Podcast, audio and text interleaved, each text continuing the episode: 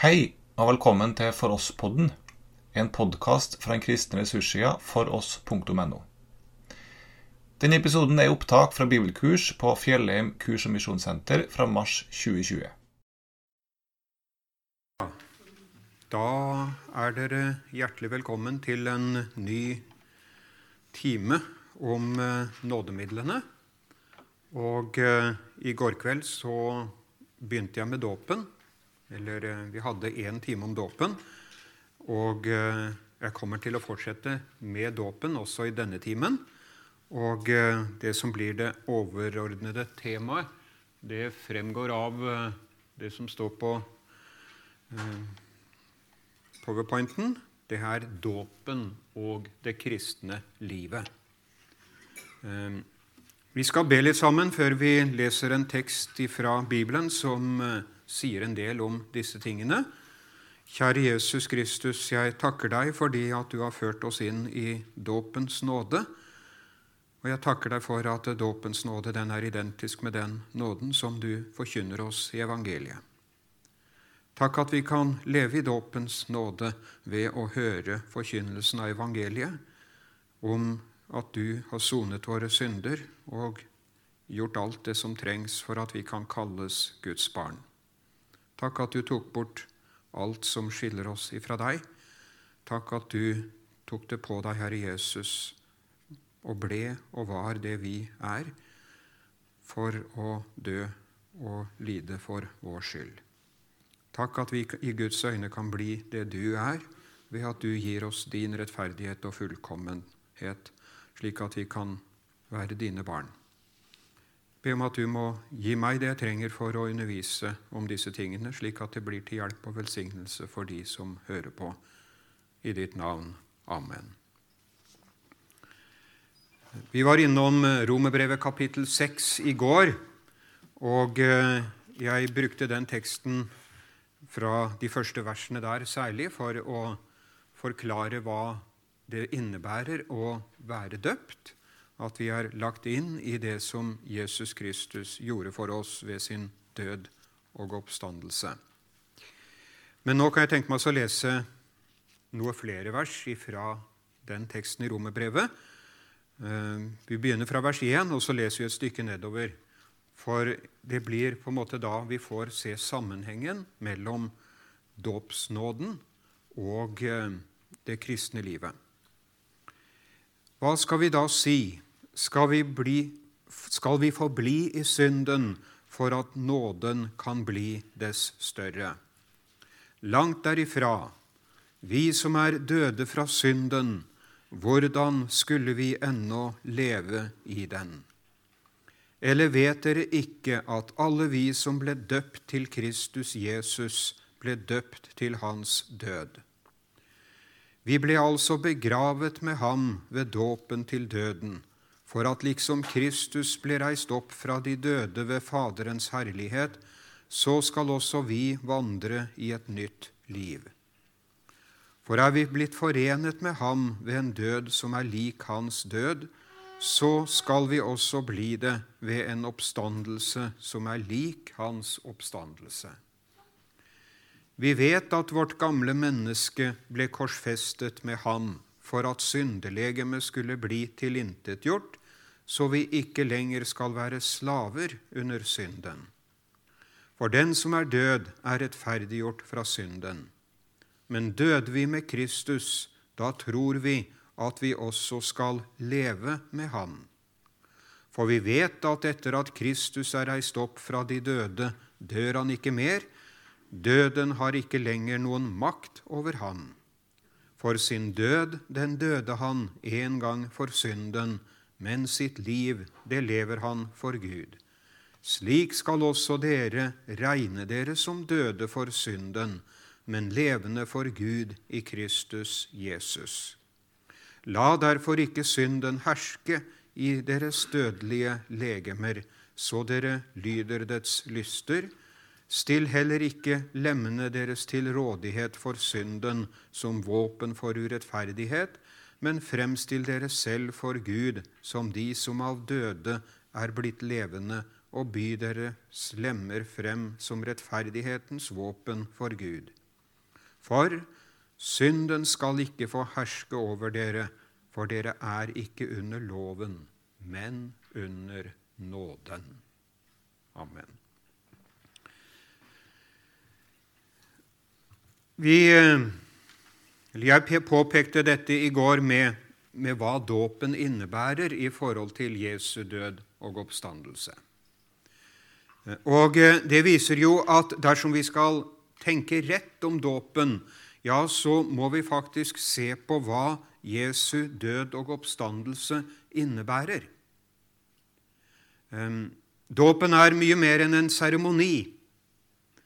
Det er mye mer enn det å bli la oss si, inkludert i et kirkesamfunn. Dåpen er en forening med Jesu død og oppstandelse. Det er eh, en forening som, med Han som da får konsekvenser for mitt liv. Eh, jeg føres inn i et nytt forhold til Gud.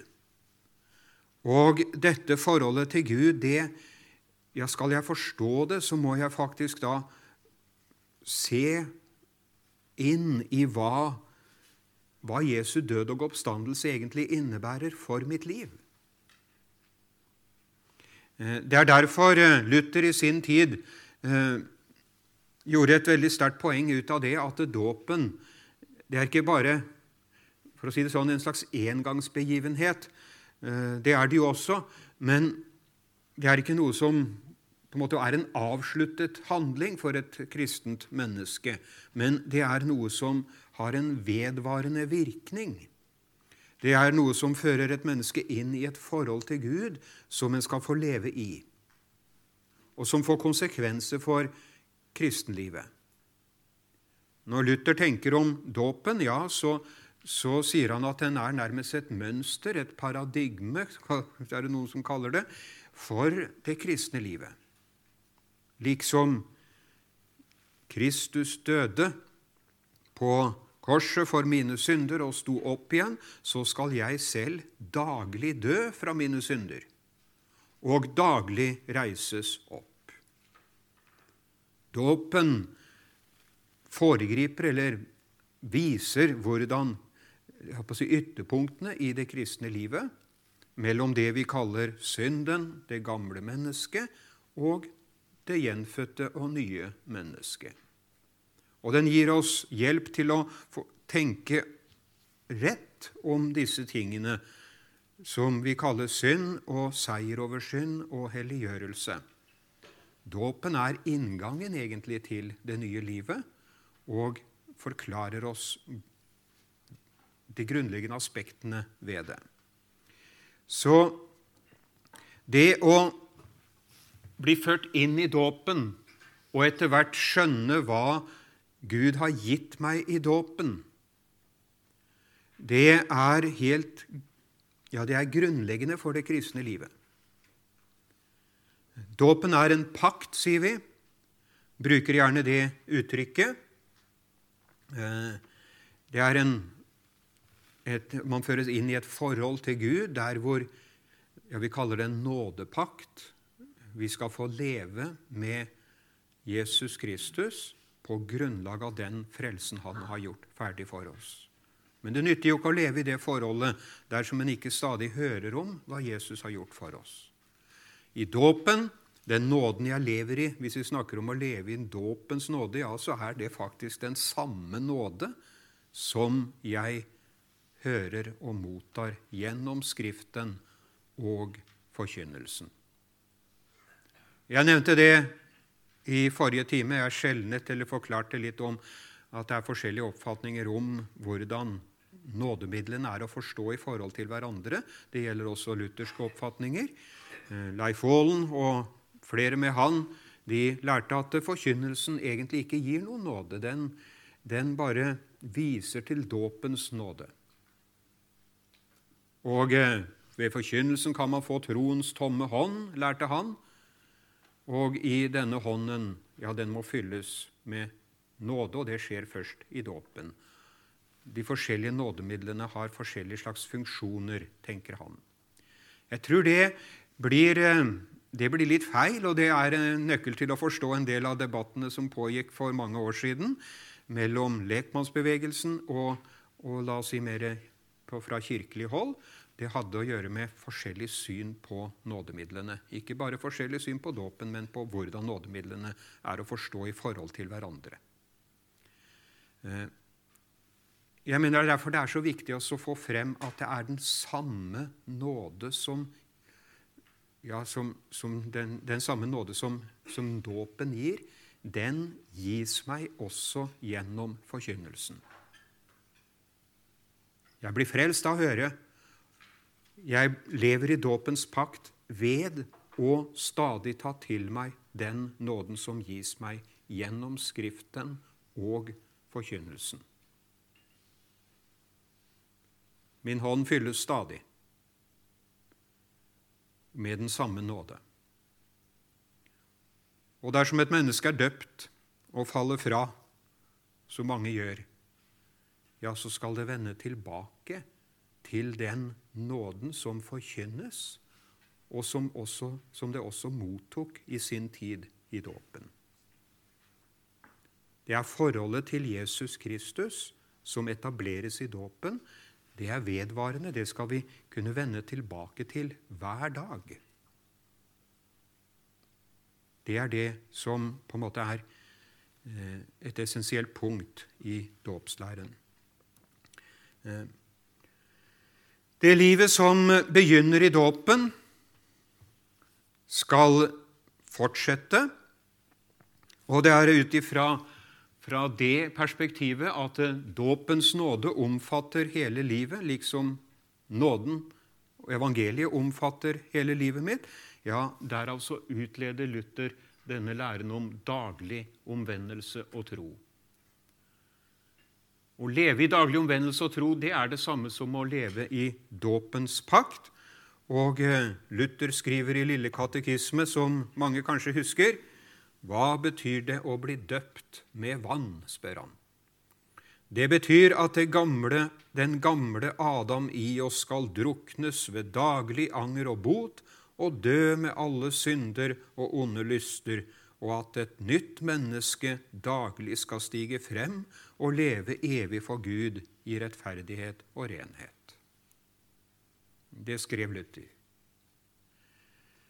Og det betyr jo at jeg ved dåpen er blitt ført inn i et forhold til Gud der jeg slipper å gjøre meg noe mer eller til noe bedre enn det jeg er. Jeg er blitt gjort til Guds barn på grunnlag av det som Jesus har gjort for meg.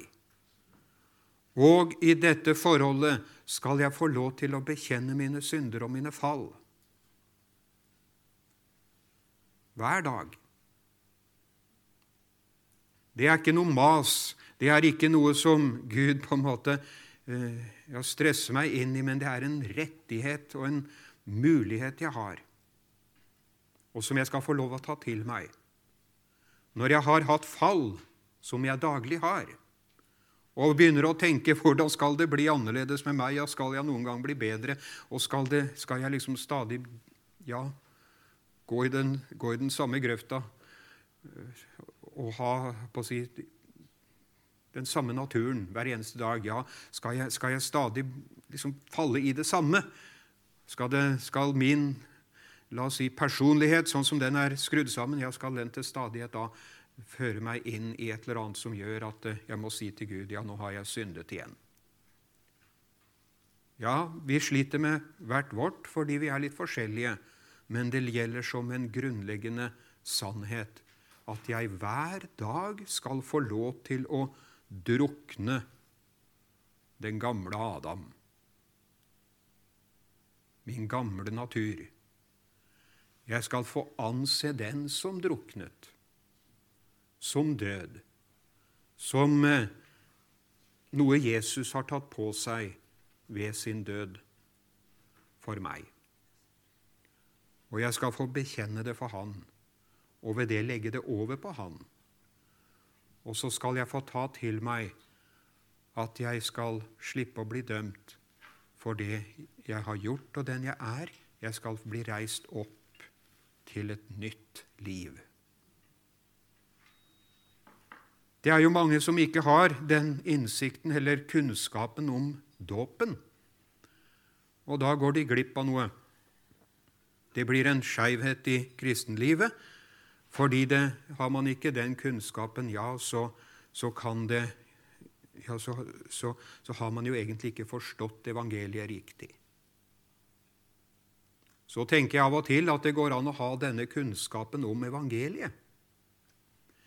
At jeg lever i troen på evangeliet, syndenes forlatelse og frelse, og jeg kan få lov å bekjenne mine synder hver dag, og jeg mottar nåden daglig av Jesus Kristus. Så tenker man gjerne ja, det er én ting, og dåpen er noe annet. Men det som, som vi får lære av Luther her, er at de to sannhetene skal vi få lov å koble sammen. Det at jeg lever i nåden og kommer til Jesus Kristus hver dag og lever i hans i syndenes forlatelse, ja, det er faktisk det samme som å leve i den pakten som jeg ble ført inn i ved dåpen så er jeg kanskje ikke så bevisst på det at det der er dåpens pakt, men det er faktisk det det er.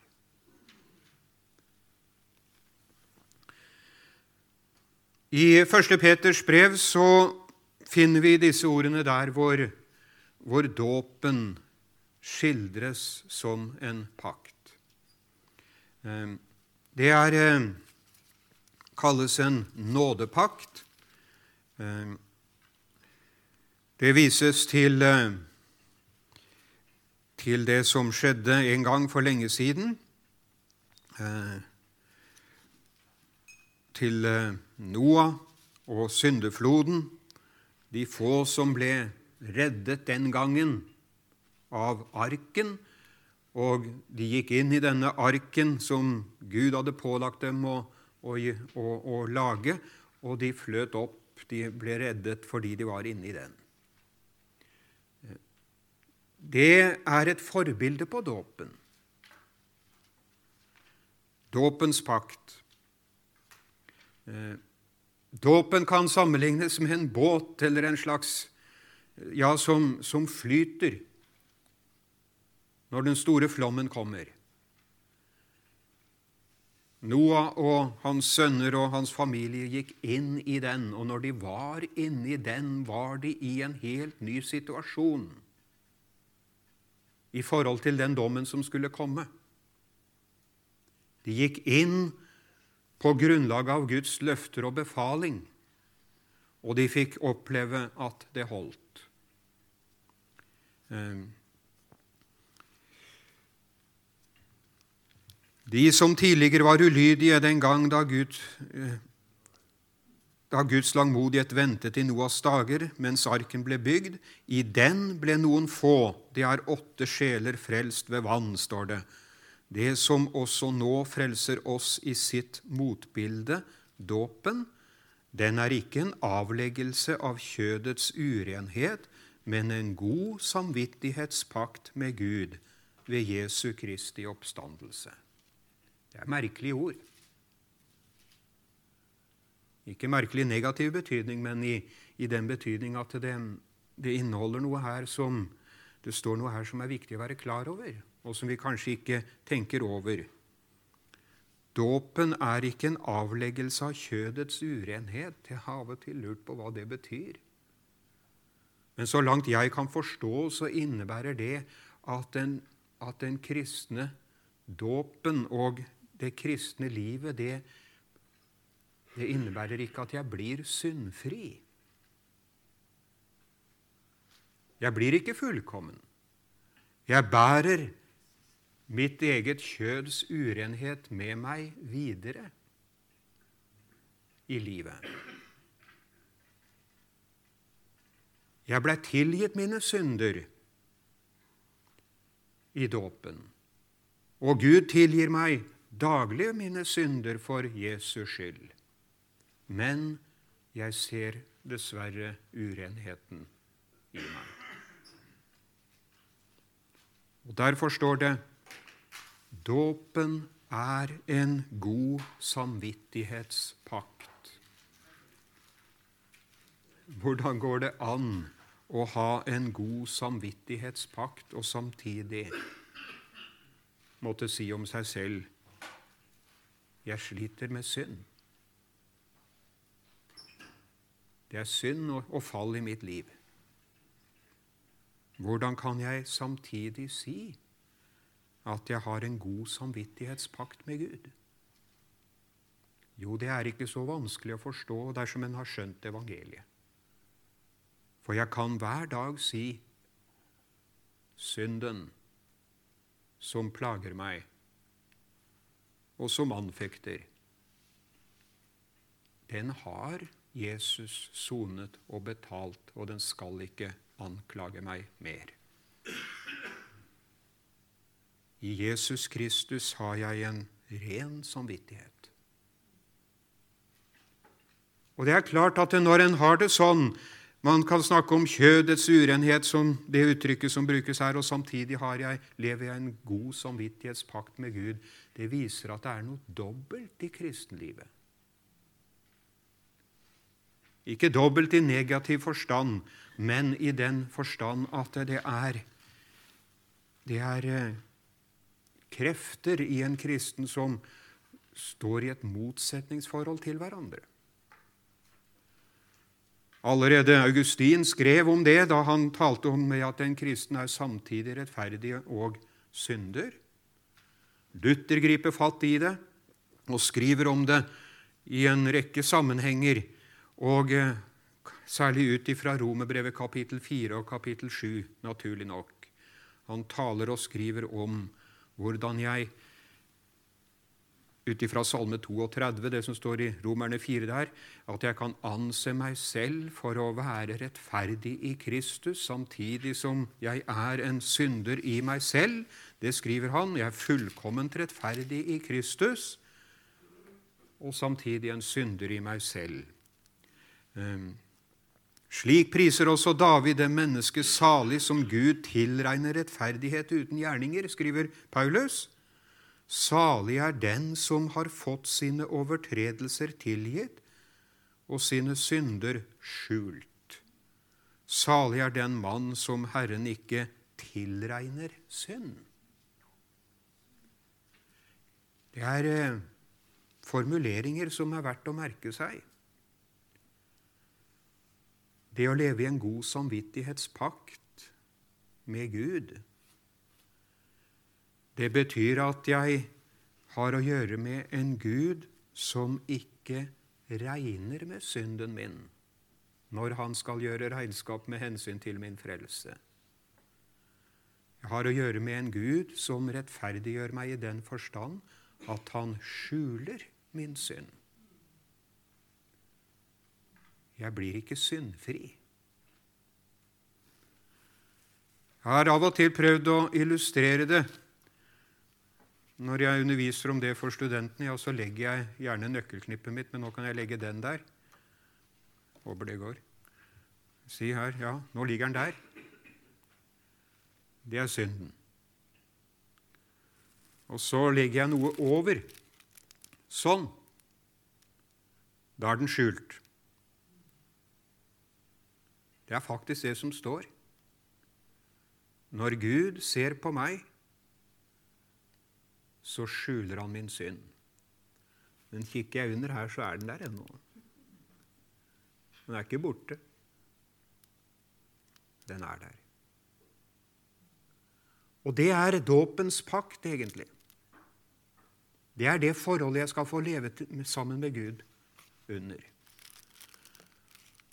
Og det er jo mange blant de som vokser opp nå, som, ja, som ikke er døpt, og noen er det. Og eh, de har forskjellig slags forhold til dåpen og kunnskap om dåpen, men at dåpen faktisk innebærer det her, det, det er ikke klart for dem. Og jeg tror kanskje ikke det er så klart for oss, ja, for mange av oss heller. Det er viktig å få se inn i dåpens gave. For det er ganske mange som etter hvert kommer inn i et slit og et strev. De skal bli så på å si, Og det er så flott å se på mange måter. De, Eh, vi har vel vært der sjøl òg mange ganger, men skal bli, man skal liksom bli noen superkristne. Man skal gi alt. Og så oppdager man i kristenlivet at det er jo noe Jeg har et etterslep av ting i livet mitt. Og så kan det bli sånn at en tenker nå når jeg ikke får det til å være en kristen, og ikke blir så ivrig eller åndsfylt som jeg gjerne ville være, ja, er jeg en kristen da? Det spørsmålet får man ennå. Og da er det godt å kunne få si hva dåpens nåde består i. Det er den nåden Gud har bundet seg til og ført deg inn i. Han kaller det en pakt. Og her er det det vi kaller en nådepakt. Nådepakten den er, har det ved seg at eh, der er det egentlig Gud som tar på seg hele regninga og alle forpliktelsene. Det å bli ført inn i nådepakten, det er, det sammenligner Guds ord med det å bli adoptert. Jeg husker det var noen av mine medarbeidere i Peru som adopterte noen nydelige barn ifra landet de, vi arbeidet i. De måtte gjøre alt ferdig på forhånd. Gå gjennom alt det som landets lover krevde. Og hopp og si de gjorde det. De gjorde det ferdig. Og sånn er det. Lang prosess. Og så hentet de barnet. Hva gjorde det barnet for å bli et barn? Ingenting. Det ble bare lukket inn i et hjem hvor alt sto åpent og ferdig. I tidens fylde utsendte Gud sin sønn, født av en kvinne, født under loven, for å kjøpe dem fri som var under loven, for at vi skulle få barnekår. Ordet barnekår kan også oversettes adopsjon. Det blei oppfylt på forhånd. Og det er det jeg lukkes inn i i dåpen. Og som sagt, det er så lett å glemme det. Denne, det er denne nåden jeg skal få leve i hver eneste dag. Og den nåden, den gjør mer, holdt jeg på å si, enn bare å bevare meg i dette troens forhold til Jesus Kristus den, eh, den skaper også et nytt liv i meg. Den har en virkning. Det ligger en kraft i denne nåden som dåpen førte meg inn i.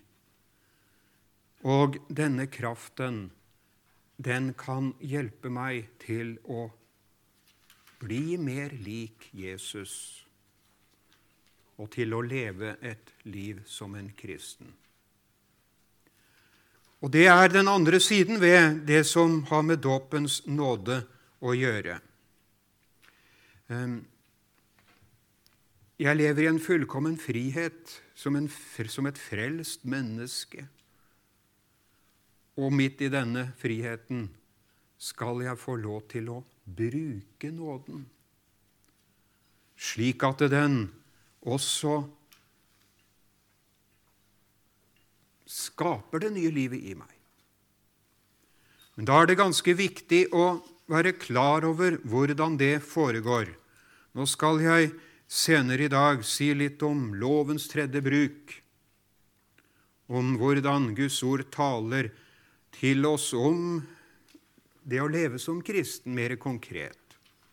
Men eh, jeg vil benytte anledningen til å si noe om hvordan det nye livet ja, ikke bare skal vise seg i det ytre, men at det som skjer i det ytre, faktisk må, må bunne i noe som skjer i vårt indre.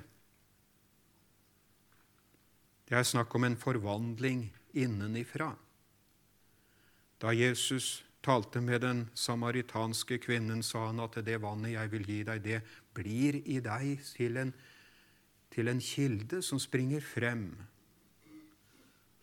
og som gir evig liv. En er ikke upåvirket av nåden, tross alt. Og det er det som Paulus utvikler og skriver om i Romerbrevet kapittel 6. Der forklarer han oss det helt grunnleggende med tanke på hvordan det nye livet skal vokse frem. Og Han eh, skriver særlig fra vers 6 om ja, Så han, ja, stiller han spørsmål ja, vet dere ikke, spør han. Har det, har det, ikke gått opp for dere, det som jeg har prøvd å skrive til dere og forklare dere? Eh, dere jeg har jo skrevet om det, der jeg føler liksom at det er det han som ligger under når han, han, skriver som han gjør. Her er det mennesker som nok kjenner til hva denne nåden og frelsen består i, men det gjelder jo også da å ta konsekvensen av det og leve i det og ta det til seg. Hva sier jeg til den som begynner å slite med det å virkelig være en kristen og å føle seg som en kristen. Når vedkommende begynner å og det kan jo være meg selv, begynner å bli veldig sentrert om hva jeg skal få til, og hvordan jeg skal på en måte heve standarden, og så blir det der etter hvert enten Tvert imot, kanskje det man vet med hodet, ja, så tenker hjertet noe annet. Hjertet sier ikke alltid det samme med, som hodet gjør. Og vi kan ha kunnskapen om disse tingene, ikke sant? og den kan være riktig. At jeg selvfølgelig er en rettferdiggjort synder, og samtidig så sliter man så skrekkelig med det som skjer inni hjertet og i følelsene. Jeg må jo få det bedre til. Dersom Gud skal anse meg for å være et Guds barn. Ja, hva sier Guds ord for at disse tingene skal gå fra hodet og ned i hjertet? Slik at det får gjøre sin virkning. Dere vet det jo, sier, skriver Paulus, hvordan dette henger sammen. Og så sier han da vi vet at vårt gamle menneske ble korsfestet med ham for at syndelegemet skulle bli tilintetgjort, så vi ikke lenger skal være slaver under synden, for den som er død, er rettferdiggjort fra synden. Men døde vi med Kristus, da tror vi at vi også skal leve med Han. For vi vet at etter at Kristus er reist opp fra de døde, dør han ikke mer. Døden har ikke lenger noen makt over ham. For sin død, den døde han en gang for synden. Men slikt liv, det lever han for Gud. La meg stanse der foreløpig og så gjentar jeg, viser jeg den der illustrasjonen en gang til. Vi vet det, ut ifra det som står her, og det som står i Salme 32 og i Romerbrevet 4, at Gud ikke lenger ser på meg mine synder, de er skjult, osv. Ja da, jeg vet det. Hvor mange ganger skal du si det, kan hun spørre da. Ja, jeg får føye noe til. Det står i det verset som følger etter det jeg nå har lest, at du skal regne med det.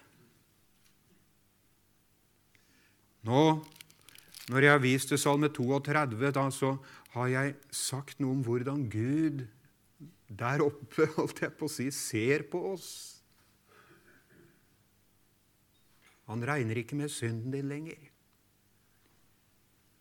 Men så skriver Paulus, slik skal også dere regne dere som døde for synden, men levende for Gud i Kristus Jesus. Det var en jeg hørte en gang som talte over dette her. Han sa det sånn, og det er sikkert mange som har hørt. Vi må lære å regne slik som Gud regner. Vi må lære å si til oss selv at ja, jeg skal også få anse meg selv som død fra den synden som faktisk plager meg, og alt dette som kommer i minus i mitt regnskap, ja, det skal også jeg få slippe å regne med når jeg, har, når, gjøre, når jeg tenker på mitt forhold til Gud. Jeg stiller meg inn under nåden. Vi var innom Filippe-brevet tidligere. Der skriver Paulus jeg er viss på at Han som begynte en god gjerning i dere, vil fullføre den. Ja, hvorfor er han viss på det? Jo, skriver Paulus, dere står sammen med meg i nåden. Nåden har en mye større virkning inn i vårt liv enn det vi ofte tenker gjennom eller regner med. Slik skal dere regne dere som døde for synden, men levende for Gud i Kristus Jesus. I mitt bønneliv så skal jeg få lov å takke Gud for at jeg kan få regne meg som rettferdig overfor, overfor Han. Det skaper glede. Det skaper frimodighet. Det skaper frihet. La derfor ikke synden herske i deres dødelige legeme, så dere lyder dens lyster, står det. Og still dere heller ikke lemmene deres til rådighet for synden som våpen for urettferdighet osv., men fremstill dere selv for Gud som de som av døde er blitt levende, og by deres lemmer frem som rettferdighetsvåpen for Gud. Ja, etter at jeg har tatt til meg at jeg skal få regne med Regne meg som død for synden og levende for Gud i Kristus. På tross av hva jeg er, ja, så skal jeg forsyne meg også få lov å bruke de forutsetninger og evner og muligheter jeg har. Med alle de skavanker og mangler som er, skal jeg få lov å stille meg frem for som til tjeneste. Still deg frem for Han, og Han vil bruke deg. Det, er, det skjønner vi. Jeg kan ikke gjøre de store tingene, men jeg skal få lov til å bidra med mitt. Jeg skal få stille mine hender frem. Det står, det er merket meg flere steder i Skriften, at vi skal få stille frem våre lemmer. Jeg skal få bruke min kropp, mine, holdt jeg på å si, ja, alt hva jeg har. Det er mye å si om det òg. Og eh, når jeg er inne på det temaet der, ja, så tenker jeg på min far mange ganger. Det var en, eh, han var en varmhjertet kristen mann. Og eh, jeg tror det gjaldt både mor og far at dersom de hadde fått sjansen til å få en utdannelse, så hadde de klart det med glans. De var etterkrigsgenerasjonen. Kroppsarbeider. Jeg er i grunnen litt stolt av ham for det. Han var ingen stor og sterk mann, han hadde noen svære never. Og de var som sandpapir på innsiden. Og jeg, det mange, jeg har tenkt på det mange ganger de var slitt av mange års gudstjeneste. For arbeidet er en tjeneste for Gud. I arbeidet gjør man det som trengs for sine nærmeste. Det tror jeg han var bevisst på. Still deres lemmer frem til rådighet for Gud. Ja, gjør jeg bare det når jeg er inne i en kristen sammenheng? Nei, du gjør det selvfølgelig da. Men du skal jammen få lov å inkludere arbeidslivet. Jeg tror det er veldig viktig i vår tid at jeg ser arbeidslivet i, en, i lys av Guds ord, som en tjeneste for Gud. Og midt i arbeidslivet så skal kanskje det preget Jesus setter på meg, som følge av det samfunnet jeg har med Han, det skal det skal bli et vitnesbyrd i seg sjøl. Vi må ikke undervurdere betydningen av det. Jeg lever i dåpens pakt midt i denne verden. Jeg skal få lov å være en kristen med alle mine ufullkommenheter, der Gud har satt meg, og se på det jeg gjør med mine lemmer, med kroppen, som en tjeneste for Gud. I den jødiske tradisjonen ja, så har de faktisk et mye mer la oss si, et syn på det med kroppsarbeid som, som ja, de løfter mye høyere enn man gjør i den vestlige tradisjonen. Her er det liksom fint å være akademiker, ikke sant?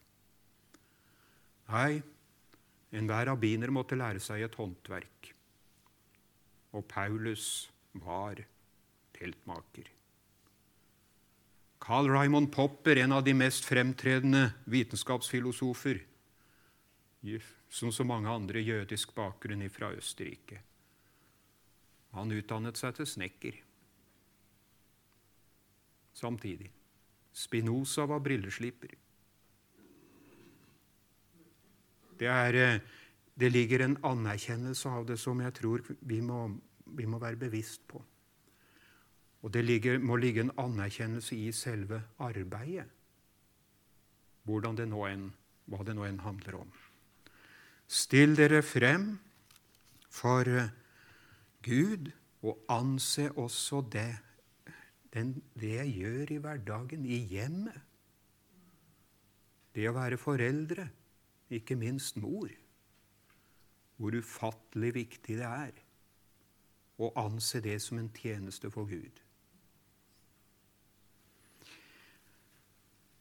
Men så kjemper vi våre kamper. Vi har våre seire og våre nederlag. Og det er viktig å se begge deler, tror jeg. Men Paulus gir oss en påminnelse, et sånt kjerneord som faktisk da kommer i forlengelsen av, av det som har med dåpens nåde å gjøre, og det finner vi i det 14. verset her i kapittel 6. Det har vært et veldig viktig ord for meg, i hvert fall hvor det står så veldig klart hva som er forutsetningen for at synden skal miste makt. For det er det Gud vil. Den forsvinner ikke. Den ligger der. Gud regner ikke med den og regner, tilregner oss ikke våre synder, men samtidig er det Guds vilje. Synden skal ikke herske i vårt liv. Vet jo åssen det blir hvis å si, egenkjærlighet og egen vinning, eller hva vi nå skal kalle det, er det eneste som driver i de tingene vi gjør i det daglige. Nei, det er noe annet som skal vinne makt i våre liv, og det er Jesus Kristus og hans kjærlighet. Ja, hvordan, hvordan kan det skje? Jo, Paulus kommer med et løfte i vers 14. Det er ikke en befaling, det som står der, men det er et løfte. For, sier han, synden skal ikke få herske over dere, for dere er ikke under loven, men under nåden. Jeg er ikke lenger under loven. Jeg vil leve etter budene, men jeg skal ikke dømmes etter dem. Grunnleggende sett er jeg under nåden. Og det er viktig å ta til seg. Ikke bare for at man da skal bli bevart i troen, men for at nåden kan gjøre sin virkning, sin omskapende virkning, i mitt liv. Nåden, det er den som avvæpner synden og demper dens makt i mitt liv.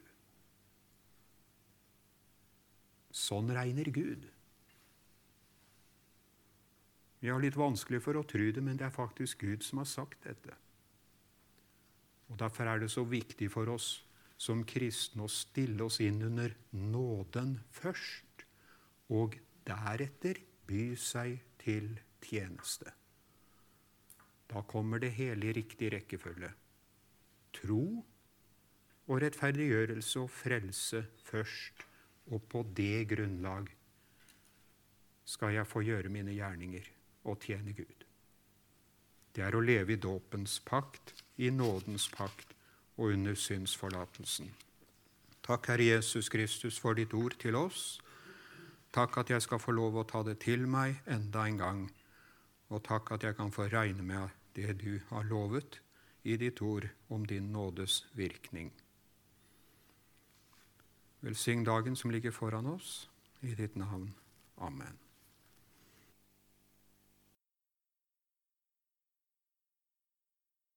Du har nå hørt opptak fra bibelkurs fra Fjellheim kurs- og misjonssenter.